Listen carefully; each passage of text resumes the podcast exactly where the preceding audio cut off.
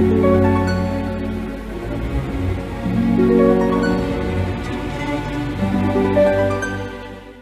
Gemini, saya dengan Madam Aza. Kita bacakan sekarang kartu tarotnya untuk Gemini. Yang pertama adalah untuk karir, bisnis, peruntungan ataupun finansial Gemini.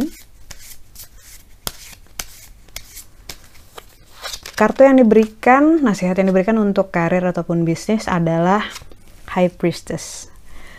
Jadi ini sebenarnya bilang bahwa kemarin-kemarin itu udah sebenarnya udah ada sign ataupun tanda-tanda kode yang diberikan untukmu gitu dalam hal karir ataupun bisnis. Ada yang harusnya kamu lakukan, tapi belum kamu lakukan, entah kamu tunda atau kamu nggak mau gitu. Karena itu ngerasa kayak ada yang salah, ada yang kurang, kayak punya utang mungkin ya. Karena ketika kartu High Priestess keluar, ini berhubungan dengan inner search ataupun pencarian ke dalam. Nah, pencarian ke dalam ini sebenarnya adalah sebuah proses untuk melancarkan karirmu ataupun bisnismu gitu. Apa pun itu misalnya kayak nambahin skill gitu.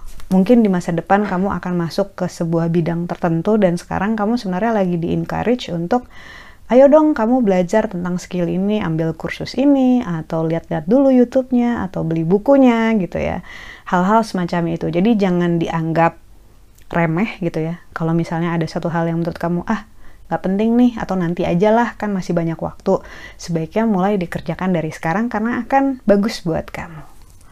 Lalu untuk percintaan Gemini, kartu yang keluar adalah Temperance. Kartu Temperance nih intinya adalah tentang tidak berlebih-lebihan dalam segala satu hal dan bisa mengontrol emosi, mengontrol energi, dan mengontrol perilaku termasuk kata-kata kita sendiri gitu ya.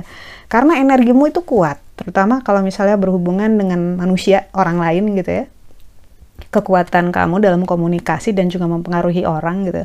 Jangan sampai dalam hal relasi, percintaan atau hubunganmu dengan orang yang dekat denganmu overpouring gitu, berlebih-lebihan numpahinnya perasaannya gitu ya atau misalnya kayak love bomb gitu ya ngasih perhatian berlebihan gitu nanti pada saat kamu lagi sibuk pada saat kamu udah capek gitu ya itu nggak ada nggak dikasih lagi itu kan kasihan jadinya sama pasangan ataupun calon pasangan kamu gitu jadi segala sesuatu yang berlebihan itu bisa nggak bagus buat kita dan bisa juga buat pasangan gitu segala sesuatu coba yang balance saja Lalu kartu nasihat yang diberikan untuk Gemini, kartu yang keluar adalah death ataupun transformasi.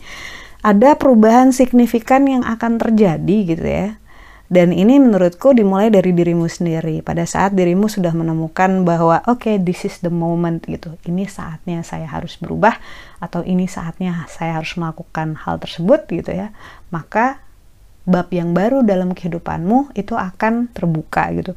Tapi selama dirimu uh, dragging gitu ya selama dirimu menunda-nunda hal tersebut perubahan tersebut karena inisiasinya harus dari dalam dirimu gitu ya maka akan semakin lama juga kamu stuck gitu.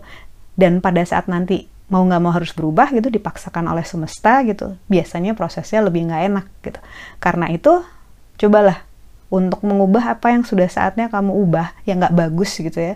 Hal-hal yang nggak bagus buat kamu hal-hal yang selama ini harusnya sudah kamu uh, mulai, entah itu olahraga, entah itu belajar lagi, entah itu kontak sama orang tua, entah itu berhubungan lagi sama orang-orang di masa lalu gitu ya. Mulailah untuk dipikirkan. Sekian bacaannya, semoga bermanfaat. Kita doakan yang terbaik saja untukmu. Semoga sehat selalu, panjang umur, kaya raya, bahagia, berkelimpahan segala hal yang baik dari Tuhan Yang Maha Esa.